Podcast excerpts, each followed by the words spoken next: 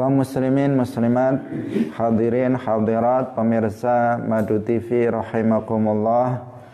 Alhamdulillah puji syukur kita sampaikan kepada Allah Subhanahu wa taala pagi hari ini dengan taufik Allah dengan takdir Allah Subhanahu wa taala kita bisa bersama-sama kembali dalam pengajian kitab Sulamut Taufiq Semoga Allah Subhanahu wa taala menetapkan kita dalam kebaikan-kebaikan, dalam ketaatan-ketaatan kepadanya. Amin ya rabbal alamin.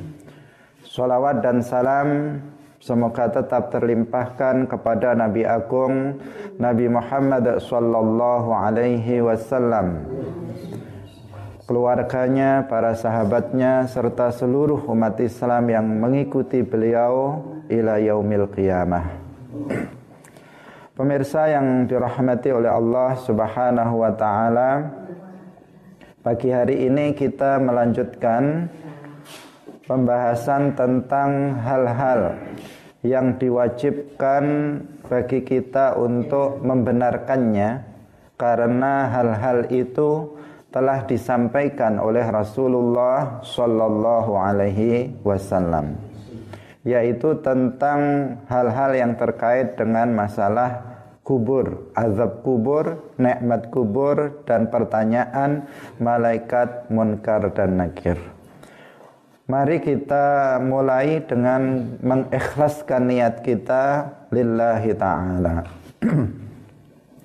Qala al-muallif rahimahullahu taala famin dzalika Mongko iku setengah sangking ma akhbara bihi azabul qabri utawi siksa kubur. Wa na'imuhu lan nikmat kubur. Wa su'alul malakaini lan pitakone malaikat loro rupane munkarin malaikat munkar wa nakirin lan malaikat nakir di antara perkara yang telah disampaikan oleh Rasulullah adalah siksa kubur, nikmat kubur, dan pertanyaan dua malaikat munkar dan nakir. Nah, pemirsa yang dirahmati oleh Allah Subhanahu wa taala, wajib bagi kita untuk membenarkan adanya kubur. Adanya nikmat kubur dan adanya pertanyaan dua malaikat munkar dan nakir. Tidak boleh bagi kita untuk mengingkari adanya itu. Azab kubur itu ada. Nikmat kubur itu ada. Pertanyaan malaikat munkar dan ahli kubur itu juga ada. Tidak boleh seseorang kemudian mengingkari adanya hal-hal tersebut. Karena Rasulullah Shallallahu Alaihi Wasallam sudah menyampaikannya kepada kita. Bahkan Allah Subhanahu wa taala di dalam Al-Qur'an itu juga sudah menjelaskan tentang adanya siksa kubur.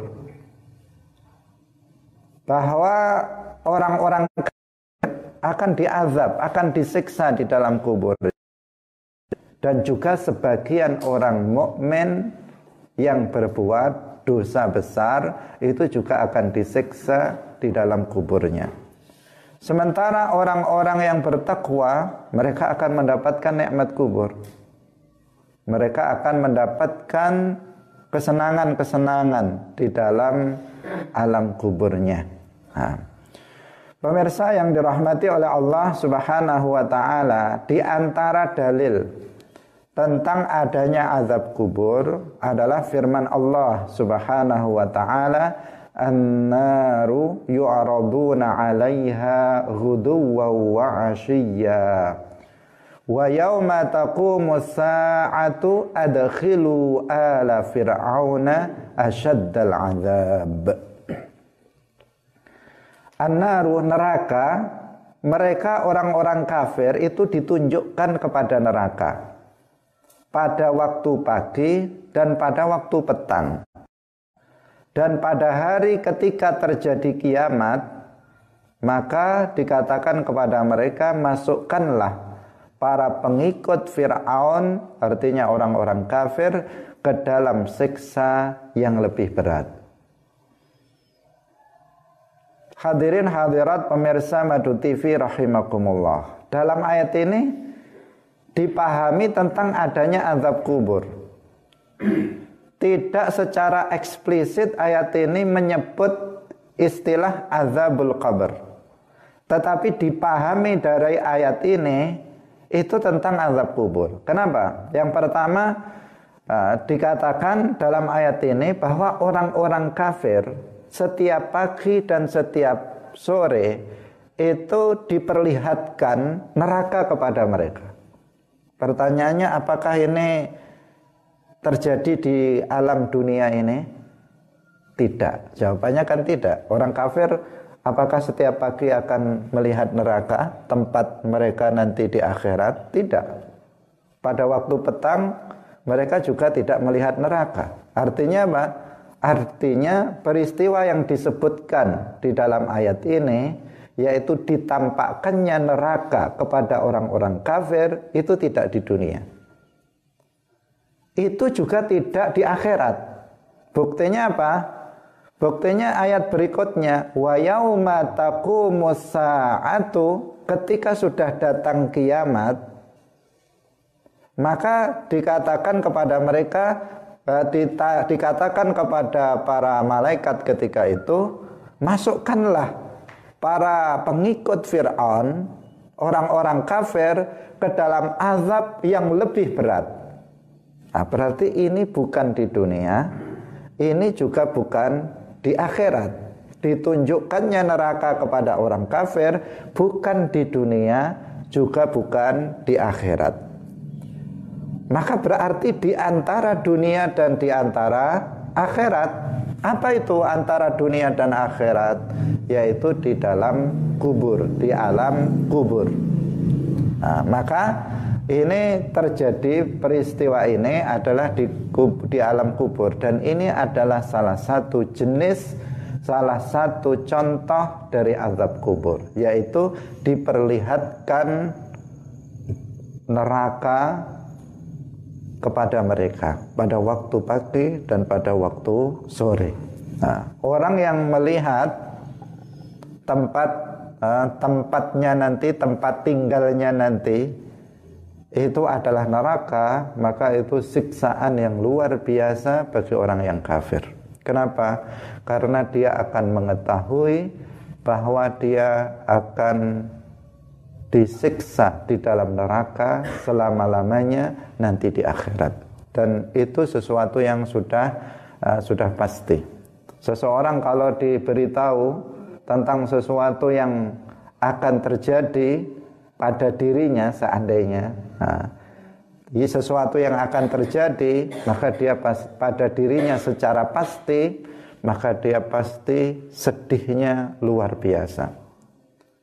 Nah, Jangankan sesuatu itu yang akan terjadi pada dirinya pada masa yang akan datang.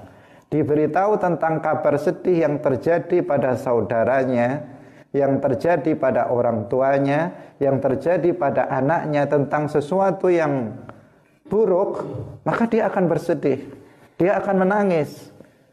Nah, dia akan merasa tersiksa dengan kabar itu. Apalagi kabar itu adalah dikabarkan kepada dia bahwa dia akan diazab di neraka. Inilah uh, ditampakkan neraka kepadanya, inilah tempat kamu nanti di akhirat. Maka orang ini menjadi sangat tersiksa dengan hal itu. Nah, ini salah satu jenis azab kubur. Selain ayat ini masih banyak sekali uh, apa namanya masih banyak lagi hadis-hadis hadis tentang azab kubur itu jumlahnya sangat banyak. Sehingga para ulama menjelaskan hadis-hadis tentang azab kubur itu telah mencapai derajat mutawatir maknawi Jadi hadis itu ada kalanya mutawatir, ada kalanya ahad. Kalau hadis diriwayatkan oleh setiap setiap generasi itu diriwayatkan oleh sejumlah orang yang sangat banyak yang tidak mungkin mereka bersepakat untuk bohong, maka hadis itu namanya mutawatir. Kalau tidak mencapai itu namanya hadis ahad. hadis ahad itu sudah pasti sahih. Nah, hadis ahad sudah pasti sahih. Dia tidak diteliti lagi bagaimana sanatnya, tidak diteliti lagi bagaimana matanya. Kenapa? Karena dia sudah pasti sahih. Itu hadis mutawatir. Hadis tentang azab kubur, tentang adanya azab kubur itu statusnya mencapai mutawatir maknawi. Artinya lafadznya itu tidak mutawatir, tidak satu. Lafadznya tidak satu. Tetapi lafadznya itu banyak, tetapi semua hadis-hadis itu menunjukkan bahwa azab kubur itu ada. Misalnya hadis tentang uh, apa namanya? Ah, doa-doa yang Rasulullah ajarkan agar kita meminta perlindungan dari azab kubur. Jumlahnya sangat banyak. Misalnya hadis tentang istanzihu minal bauli fa inna ammata azabil qabri minhu. Tentang bahwa ah, kebanyakan azab kubur itu berasal dari kencing. Nah, ini menunjukkan semua hadis-hadis itu menunjukkan bahwa azab kubur itu ada. Maka tidak boleh bagi seseorang untuk mengingkari tentang azabnya, tentang adanya azab kubur. Sebagian para ulama terus mengatakan man angkara azabal qabri uzziba fi qabrihi. Orang yang mengingkari adanya azab kubur, maka dia akan diazab di dalam kuburnya. Nah, kaum muslimin pemirsa Madu TV yang dirahmati oleh Allah Subhanahu wa taala. Karena ada kelompok namanya Hizbut Tahrir itu salah satu kesesatannya mereka mengingkari adanya azab kubur dengan alasan bahwa uh, seks, apa namanya dalil tentang hadis tentang adanya azab kubur itu hadis ahad menurut mereka. Padahal hadisnya itu adalah hadis mutawatir dan juga adanya azab kubur dijelaskan langsung oleh Al-Quran. Kaum muslimin rahimakumullah. Sekarang di antara contoh azab kubur. Tadi sudah kita contohkan satu yaitu diperlihatkan atau ditunjukkan neraka pada waktu pagi dan pada waktu petang kepada orang kafir. Jadi pagi hari diperlihatkan inilah tempat kamu nanti yang abadi di akhirat. Sore juga ditampakkan kepadanya inilah tempat kamu yang abadi di akhirat dia akan diazab selamanya lamanya dibakar di dalam neraka selama-lamanya. Kemudian yang kedua adalah himpitan kubur yang menjadikan tulang-tulang bagian kanan ke kiri dan tulang-tulang bagian kiri ke kanan. Jadi kuburan itu sudah sempit.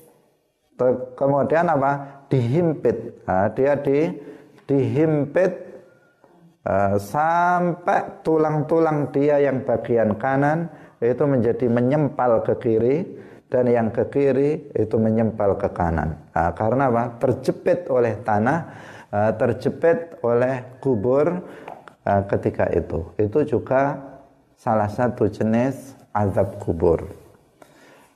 Kemudian yang ketiga adalah gelap, gelisah dan liarnya kondisi di alam kubur, di dalam kubur. Nah, gelap, sangat gelap. Karena perlu kita ketahui bahwa ketika seseorang itu dikuburkan di dalam kubur, maka ruhnya akan dikembalikan lagi ke dalam jasadnya. Dia itu kembali sadar seperti ketika dia hidup di dunia ini. Jadi kembali lagi dia kemudian sadar bahwa dirinya sudah berada di dalam kubur. Maka ketika itu nanti kemudian turut apa namanya datang malaikat munkar dan nakir.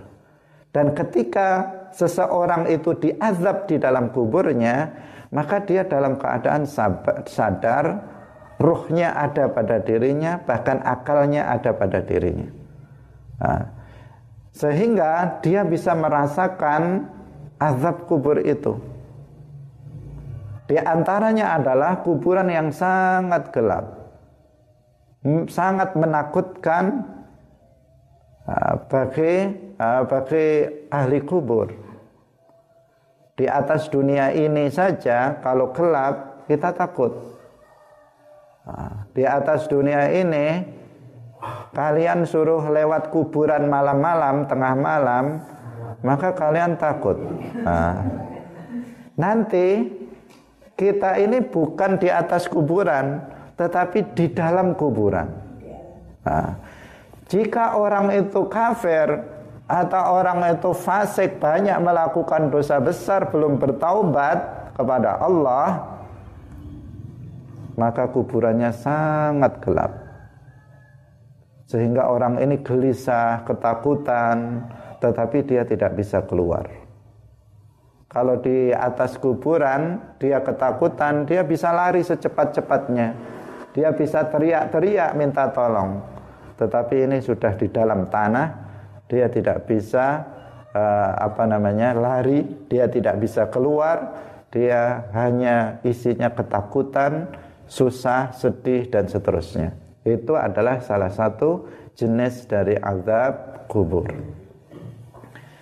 Belum lagi di kondisinya liar. Nah, liar itu di sana ada binatang-binatang. Ada binatang-binatang yang memakan tubuhnya dalam keadaan dia sadar. Dari ada ulat, ada kala jengking, itu datang memakan pipinya, memakan matanya, memakan lidahnya. Dalam keadaan dia sadar, tahu, tetapi dia nggak bisa apa-apa. Nah, itu bagi siapa? Bagi orang-orang kafir dan bagi sebagian orang fasik yang mendapatkan azab Allah. Nah, maka semoga kita semuanya itu dilindungi oleh Allah dari azab kubur. Karena azab kubur ini adalah penentuan. Artinya eh, alam kubur itu adalah penentuan. Apabila seseorang itu selamat di dalam kubur, maka dia akan selamat di akhirat. Tetapi jika seseorang itu sudah celaka di alam kubur, maka dia akan celaka di akhirat. Karena kubur adalah babul akhirah, pintu akhirat. Kuburan di dalam kubur itu belum di akhirat.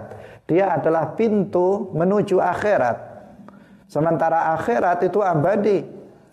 Di alam kubur itu tidak abadi di alam kubur akan akan berakhir di alam kubur. Ketika datang kiamat, maka akan berakhir. Tetapi akhirat itu selama-lamanya. Jika seseorang disiksa di dalam kuburnya, alamat dia akan disiksa seterusnya nanti di akhirat.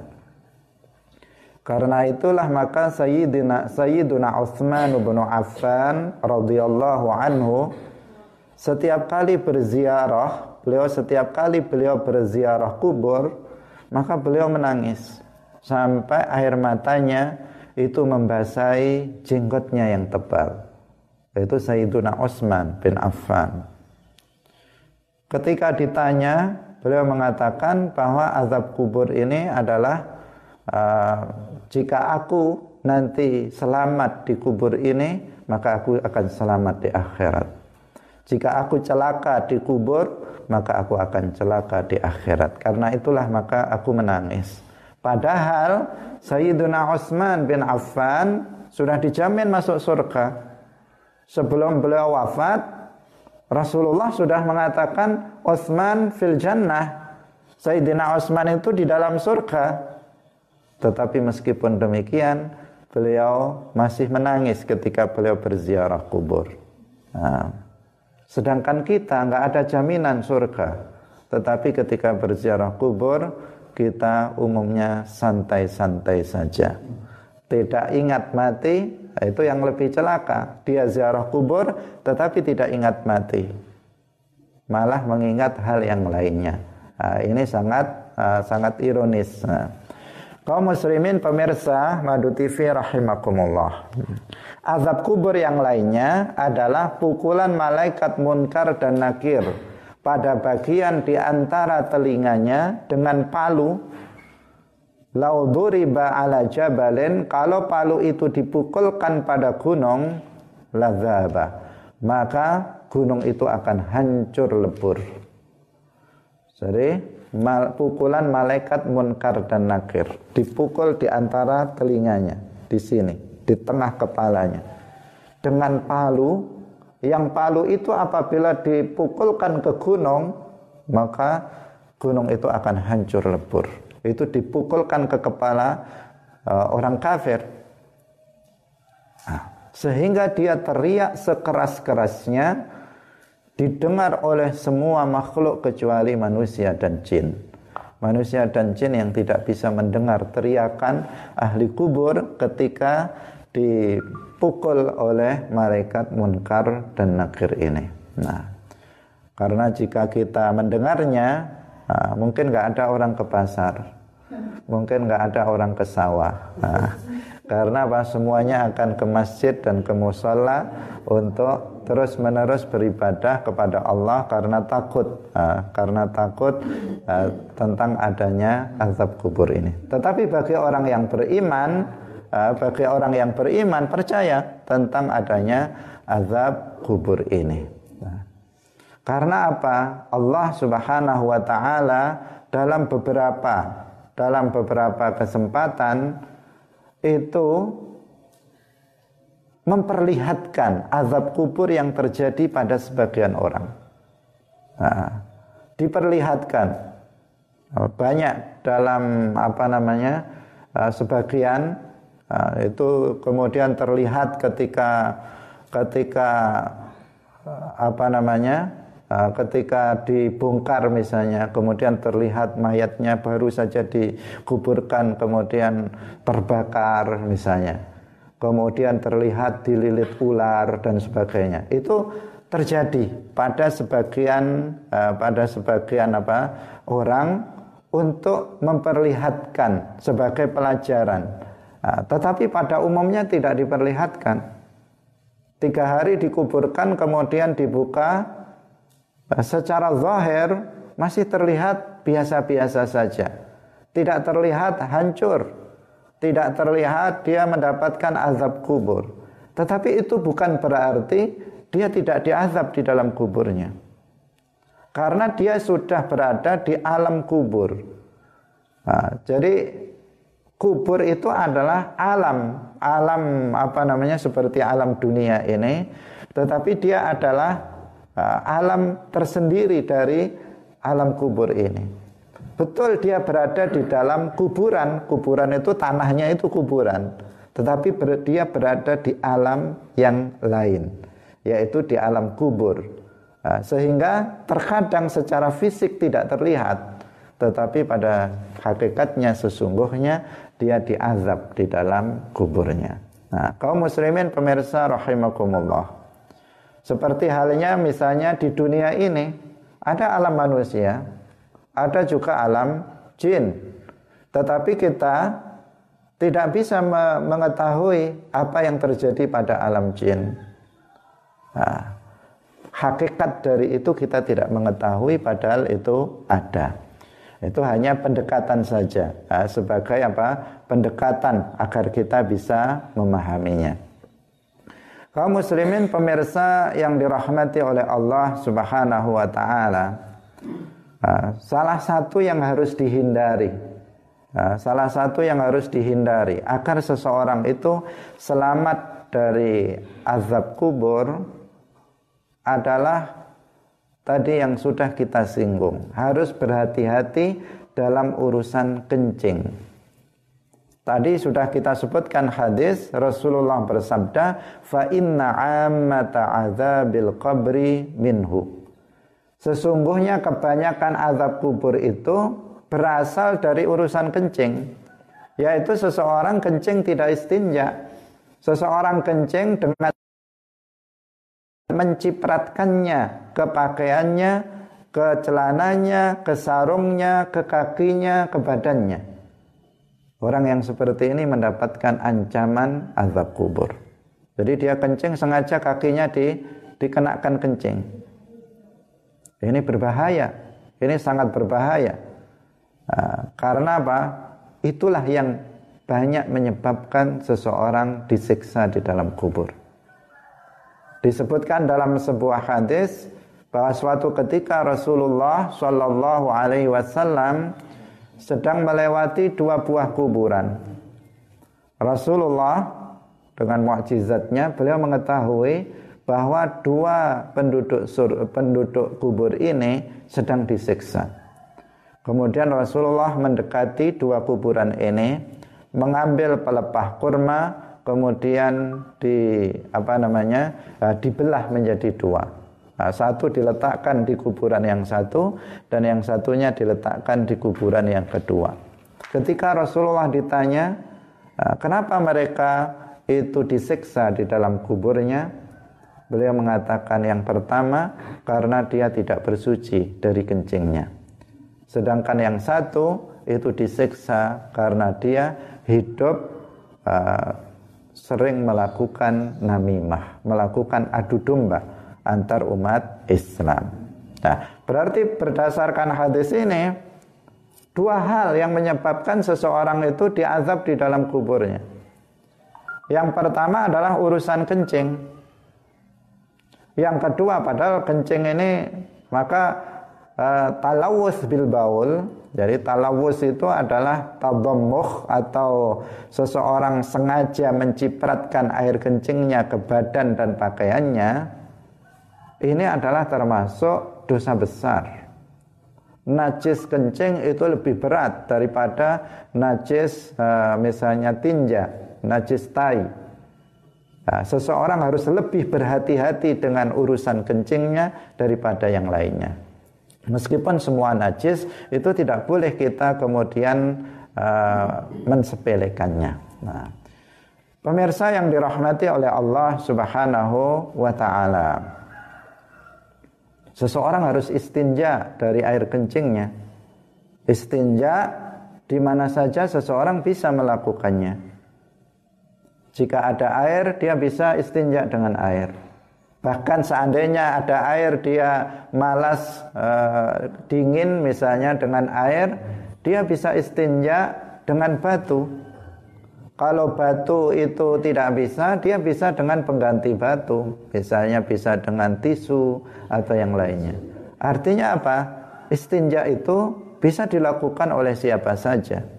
Nggak ada alasan orang misalnya di tengah jalan, kemudian dia apa namanya kencing, kemudian alasannya di tengah jalan nggak ada air, tanpa air istinja bisa dilakukan. Istinja itu bisa dengan air atau dengan batu dan semacamnya.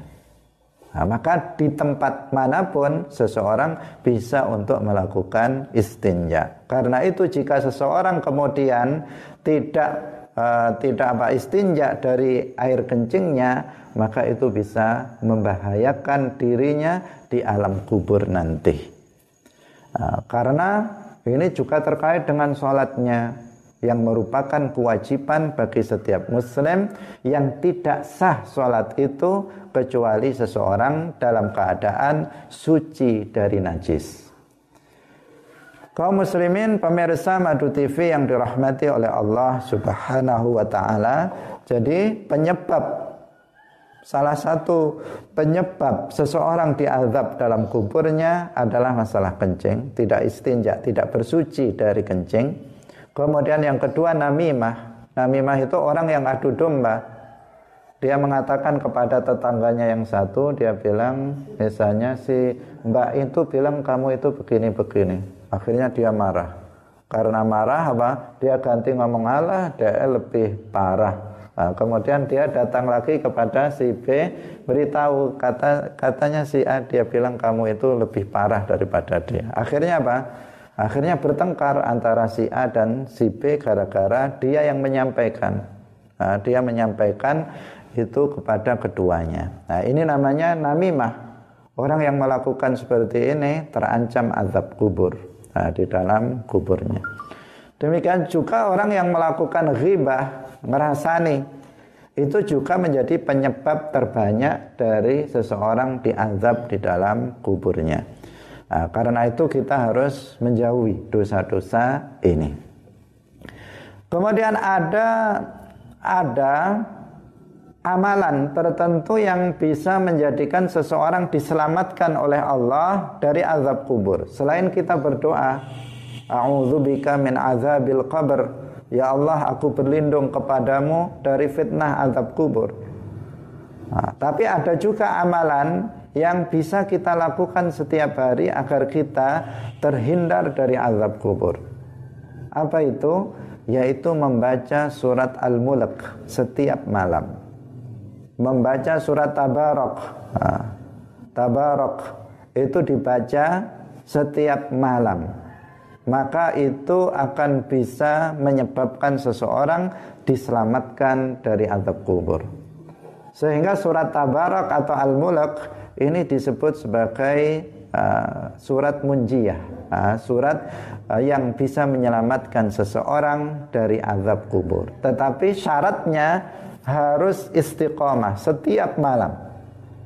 Uh, dia selalu membacanya, jika dia lupa maka dia menggantinya.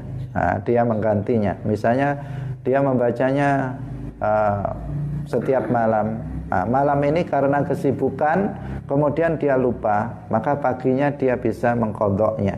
Bisa mengganti yang malam tadi itu kelupaan misalnya.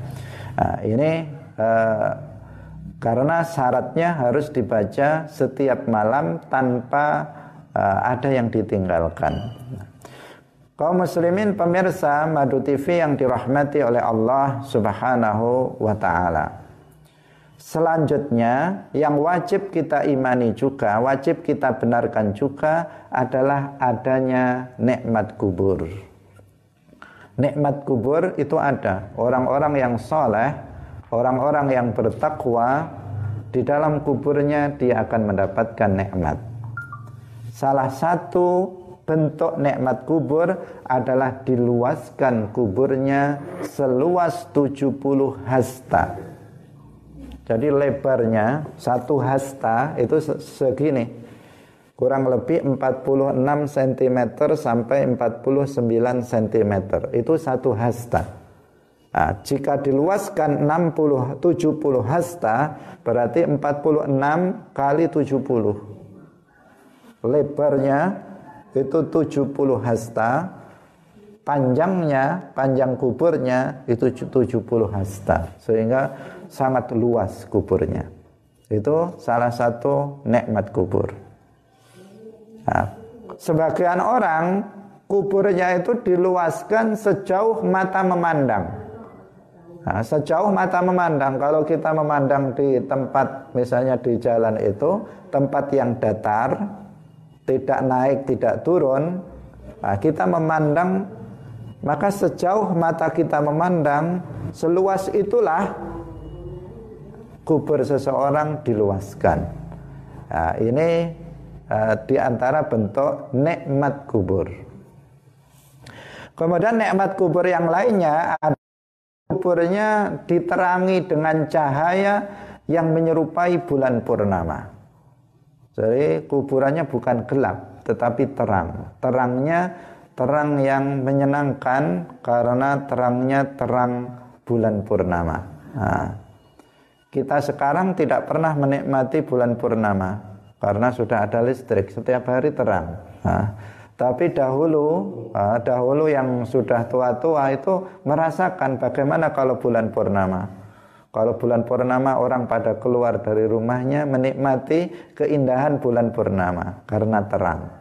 Karena biasanya gelap, tetapi sekarang setiap malam terang sehingga ini nggak terasa ini malam 15 uh, apa namanya tanggal 15 atau tidak itu nggak bisa membedakan, nggak bisa merasakan keindahannya. Nah, nanti di dalam kubur seseorang akan kuburannya akan diberikan cahaya seperti terangnya bulan purnama. Sehingga bukan hanya terang tetapi juga indah. Itu uh, itu salah satu nikmat kubur. Yang akan diberikan kepada orang-orang yang bertakwa. Uh, dan orang-orang mukmin yang dikehendaki oleh Allah Subhanahu wa taala. Kaum muslimin pemirsa yang dirahmati oleh Allah dan kuburannya itu menjadi raudhah min riyadil jannah. Menjadi taman dari taman-taman surga. Artinya dia akan penuh dengan kesenangan di dalam kuburnya tersebut.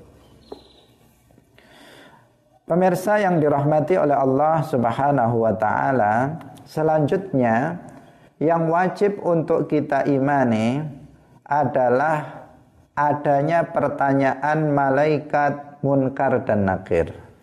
Soalul malakaini munkar wa nakir. Jadi di dalam kubur nanti ketika seseorang dikuburkan dan ditinggalkan oleh para pelayatnya maka akan datang dua malaikat yang menyeramkan. Dua malaikat yang tampangnya itu menakutkan. Karena disebutkan di dalam hadis sifatnya itu adalah aswadani azraqani. Hitam kebiruan. Nah, hitam kita di dunia ini kalau melihat orang hitam itu terlihat serem. Apalagi hitam tinggi, uh, badannya besar, maka kita melihatnya seram, takut. Nah, jadi malaikat munkar dan nakir itu itu tampangnya hitam kebiru-biruan, nah, hitam biru, menyeramkan, mukhif, menakutkan. Kalau seandainya dia terlihat di muka bumi ini, maka orang pasti berlarian, ketakutan. Karena tampang menyeramkan dari malaikat munkar dan nakir ini. Nah, dua malaikat ini akan datang kemudian bertanya kepada mereka tentang beberapa hal. Orang mukmin Allah Subhanahu wa taala menetapkan hatinya sehingga kedatangan malaikat munkar dan nakir itu tidak membuat dia takut. Nah, tampangnya tetap nggak berubah malaikat munkar dan nakir ya memang seperti itu tampangnya. Tetapi orang mukmin itu tidak merasa takut dengan kedatangan malaikat munkar dan nakir ini karena Allah menetapkan hatinya untuk tidak takut terhadapnya. Nah. Ini orang mukmin. Sehingga ketika ditanya dia bisa menjawab pertanyaan malaikat munkar dan nakir ini. Sedangkan orang kafir dengan kedatangan malaikat munkar dan nakir, dia sudah ketakutan sendiri. Dia sudah gemetar ketakutan sehingga dia tidak bisa menjawab pertanyaan malaikat munkar dan nakir. Seseorang itu kalau takut itu sudah nggak bisa uh, menjawab apa-apa karena apa? Dia sudah hatinya penuh dengan ketakutan melihat tampang malaikat munkar dan nakir ini. Sehingga tadi kita sebutkan kalau dia tidak bisa menjawab pertanyaan malaikat munkar dan nakir, maka dia akan dipalu kepalanya antara teli, kedua telinganya dengan palu yang apabila dipukulkan ke gunung maka akan hancur gunung itu. Nah, kaum muslimin pemirsa Madu TV yang dirahmati oleh Allah Subhanahu wa taala. Nah, pertanyaan malaikat munkar dan nakir ini ini seputar siapa menrebuka siapa Tuhanmu, siapa nabimu, siapa Muhammad itu dan seterusnya. Itu adalah pertanyaan-pertanyaan malaikat munkar dan nakir. Pertanyaannya sudah diberitahukan kepada kita. Tetapi itu tidak bisa kemudian seseorang, oh itu berarti saya hafal misalnya. Nggak bisa. Nggak bisa seseorang seperti itu. Kenapa? Karena di sini nanti adalah tergantung kepada amal yang dilakukan oleh seseorang. Orang kafir meskipun dia di dunia itu tahu bahwa Allah itu Tuhan, pencipta alam semesta ini, Muhammad itu Rasulullah, tetapi kalau dia mendustakan Allah dan Rasulnya, maka dia tidak akan bisa menjawabnya dengan benar. Atau bahkan dia tidak bisa menjawab sama sekali sehingga mendapatkan azab di dalam kuburnya. Nah, kaum muslimin rahimakumullah pertanyaan malaikat ah, pertanyaan malaikat munkar dan nakir ini itu ditujukan kepada umat Muhammad. Umat dakwah. Nah, umat dakwah itu artinya umat Nabi Muhammad baik yang muslim maupun yang kafir. Semuanya ditanya oleh malaikat munkar dan nakir. Tidak ditujukan kepada umat sebelum Nabi Muhammad. Jadi umatnya Nabi Musa umatnya Nabi Isa umatnya Nabi Ibrahim itu tidak ditanya di dalam kuburnya. Tetapi pertanyaan malaikat munkar dan nakir ini itu hanya ditanyakan kepada umatnya Nabi Muhammad. Tetapi bukan berarti bahwa umat sebelum Nabi Muhammad tidak diazab di dalam kuburnya. Tidak berarti seperti itu. Tetapi ini adalah kekhususan dari umat Nabi Muhammad Sallallahu Alaihi Wasallam. Nah, ada beberapa orang di alam kubur nanti itu tidak ditanya. Ini pengecualian, pengecualian tidak ditanya di alam kuburnya. Siapa? Yang pertama adalah Nabi Rasulullah Shallallahu Alaihi Wasallam. Itu tidak ditanya oleh malaikat munkar dan nakir. Karena ya sudah maklum Nabi Muhammad Shallallahu Alaihi Wasallam tidak ditanya di alam kuburnya. Kemudian yang kedua adalah atifal alladzi mata dunal bulugh yaitu anak yang mati sebelum balik. Nah, sebelum balik artinya dia belum mukallaf. Nah, dia belum mukallaf. Di awal pelajaran kita sudah kita jelaskan bahwa mukallaf itu adalah orang yang berakal.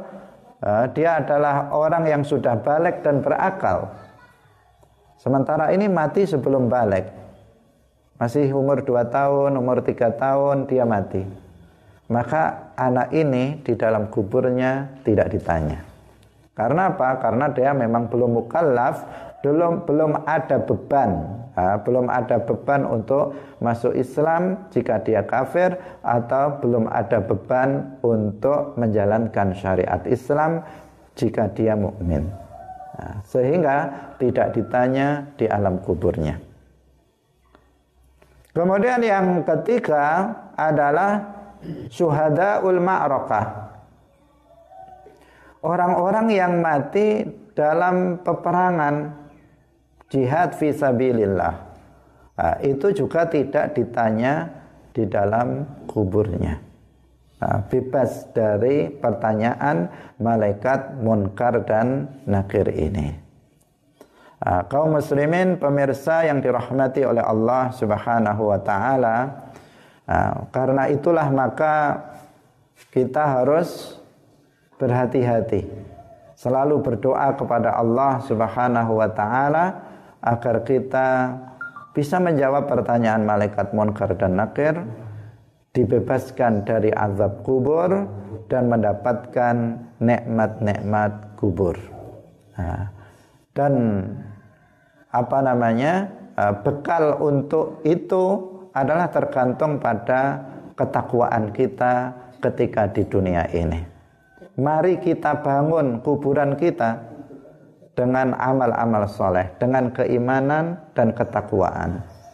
Nah, rumah kita di dalam kuburan harus sudah dibangun sekarang. Nah, sebagian orang sibuk membangun rumahnya di dunia. Bagaimana ini diganti begini, dibagi diganti begini, ditambah ini, ditambah itu. Rumahnya sibuk dicat, ditambah uh, dilebarkan, beli ini, beli itu, beli kursi dan sebagainya. Sibuk sekali. Padahal sudah sudah ada, sudah cukup dan tanpa itu dia sudah bisa hidup dengan enak. Tetapi masih bingung bagaimana uh, rumahnya sudah bagus dibangun lagi, Nah, orang belum bangun dia sudah bangun lima kali dan sebagainya. Nah, sibuk membangun itu, lupa untuk membangun rumahnya yang ada di dalam kuburan. Nah, keberadaan kita di alam kubur bisa lebih lama daripada keberadaan kita di bumi ini. Di bumi ini mungkin 70-80 tahun paling lama. Tetapi di dalam kuburan lama sekali kita tinggal di sana. Menunggu kiamat ini masih lama dari hitungan di dunia masih lama. Meskipun disebutkan kiamat itu sudah dekat, tapi dekatnya itu masih lama kalau hitungan kita kita bandingkan dengan kehidupan kita di dunia ini. Maka kuburan kita, rumah yang ada dalam kuburan kita harus segera dibangun. Kalau tidak dibangun, maka kita akan menemukan rumah kita rumah yang buruk, rumah yang jelek, rumah yang jelek atau rumah yang tidak aman, yang yang dia akan tersiksa di dalamnya. Maka tergantung rumah kita di alam kubur tergantung kita. Bagaimana kita membangunnya? Nah, ya kita bangun dengan apa? Keimanan yang benar. Salah satu yang kita lakukan misalnya setiap pagi ini ini dalam rangka membangun kuburan. Dalam rangka membangun kuburan, membangun kuburan bukan kemudian dibangun di atasnya diberi apa namanya eh, batu bata, diberikan apa namanya cungkup dan sebagainya. Bukan itu membangun kuburan yang kita maksud, tetapi membangun yang ada di dalam kuburan itu. Kita bangun rumah kita, itu tempat tinggal kita yang sudah pasti kita akan ke sana. Seperti yang kita uh, kita sampaikan, kalau rumah di dunia nggak akan kita tempati selama-lamanya. Kita misalnya membangun istana nah, dengan bertingkat dengan segala kemewahan, nggak lama kita tempati. Paling beberapa tahun kemudian kita tinggalkan. Setelah itu apa? Ditempati oleh anak-anak kita, ditempati oleh ahli waris kita Nggak akan lama kita menempati rumah itu. Akan segera kita tinggalkan dan kita akan menempati rumah kita yang ada di dalam kuburnya. Karena itu baik buruknya seseorang itu tergantung bagaimana dia membangun rumahnya di dalam kubur ketika dia masih hidup. Dengan apa? Saya ulangi lagi dengan keimanan yang benar dan dengan ketakwaan. Tazawwadu fa inna khairaz zadi taqwa berbekalah kalian. Kalau kita sudah tahu bahwa kita akan mati, maka berbekalah kalian. Dan sebaik-baik bekal adalah ketakwaan. Bekal ke dalam kubur itu bukan harta yang banyak. Bekal untuk masuk ke dalam kubur itu bukan rumah yang mewah. Bekal untuk masuk ke dalam kubur itu bukan bukan uang, bukan jabatan. Apa pun jabatannya kalau sudah masuk ke dalam kubur, udah tergantung kepada amal yang dilakukannya. Tidak peduli apakah dia presiden, apakah dia menteri, apakah dia gubernur, apakah dia bupati, apakah dia rakyat biasa. Ketika dia masuk ke dalam kubur, maka dia akan menemukan rumahnya sesuai dengan apa amal yang dia lakukan ketika di dunia. Sehingga seseorang harus berpikir tentang bekal ini. Para ulama uh, mengatakan man raqiba atau man dakhalal qabr bila zadin faka'annama raqibal bahr bila safinatin. Nah, orang yang masuk ke dalam kuburan tanpa bekal, berani dia masuk kuburan tanpa bekal. Oh, berani sekali. Di alam kuburnya dia apa? Nggak pernah di alam dunia nggak pernah beramal sama sekali, tapi dia berani masuk kubur. Nah, karena berani nggak berani masuk juga. Nah, dia berani ma mati atau tidak berani mati, dia tetap mati. Nah, orang yang amalnya banyak mati, orang yang nggak nggak pernah beramal, nggak pernah sholat akan mati juga. Nah, tapi dia berani sekali masuk kuburan tanpa bekal. Maka dia seperti orang yang menyeberangi lautan tanpa perahu. Nah, seperti orang yang menyeberangi lautan tanpa perahu. Bagaimana? Selamat apa enggak? Enggak akan selamat. Lautan sangat luas, sekuat-kuatnya orang, tenaganya untuk berenang, kalau dia tanpa perahu menyeberangi lautan akan tenggelam juga. Nah, dia akan tidak akan selamat. Nah, tidak akan selamat dia di dalam kubur itu. Nah, karena itulah maka uh, orang yang berakal adalah orang yang berpikir setelah kematiannya.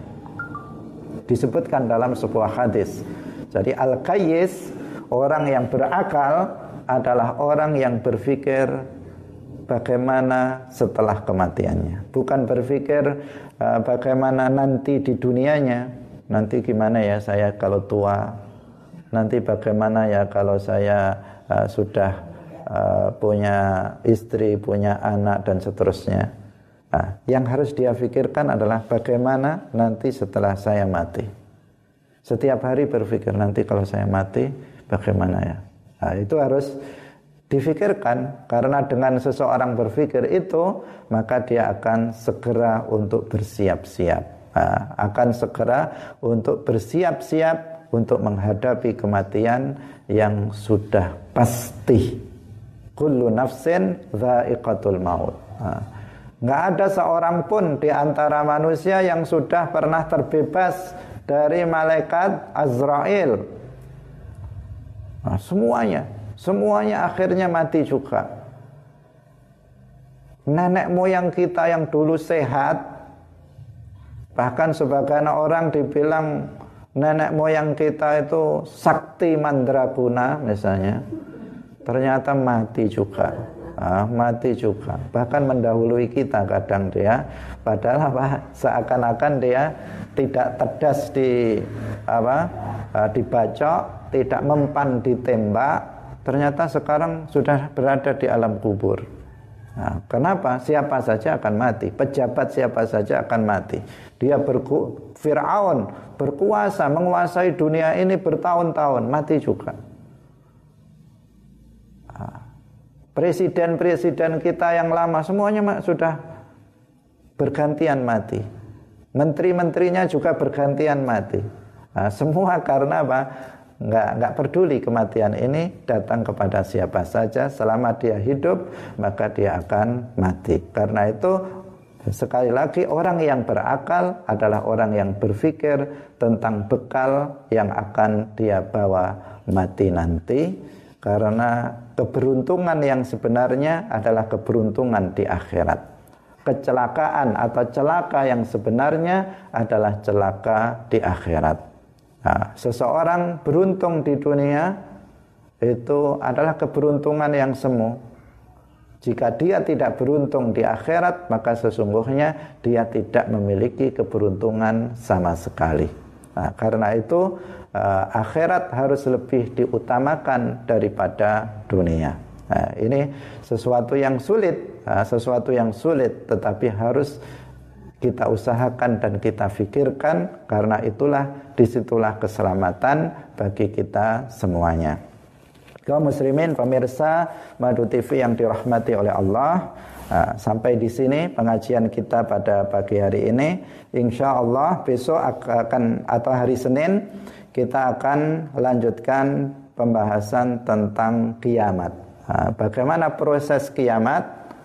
Apa yang terjadi pada hari kiamat? Insya Allah akan kita ceritakan, kita jelaskan uh, hari Senin. Nah, semoga bermanfaat. Barakallahu fikum wallahul muwaffiq ila aqwamit thariq. Wassalamualaikum warahmatullahi wabarakatuh.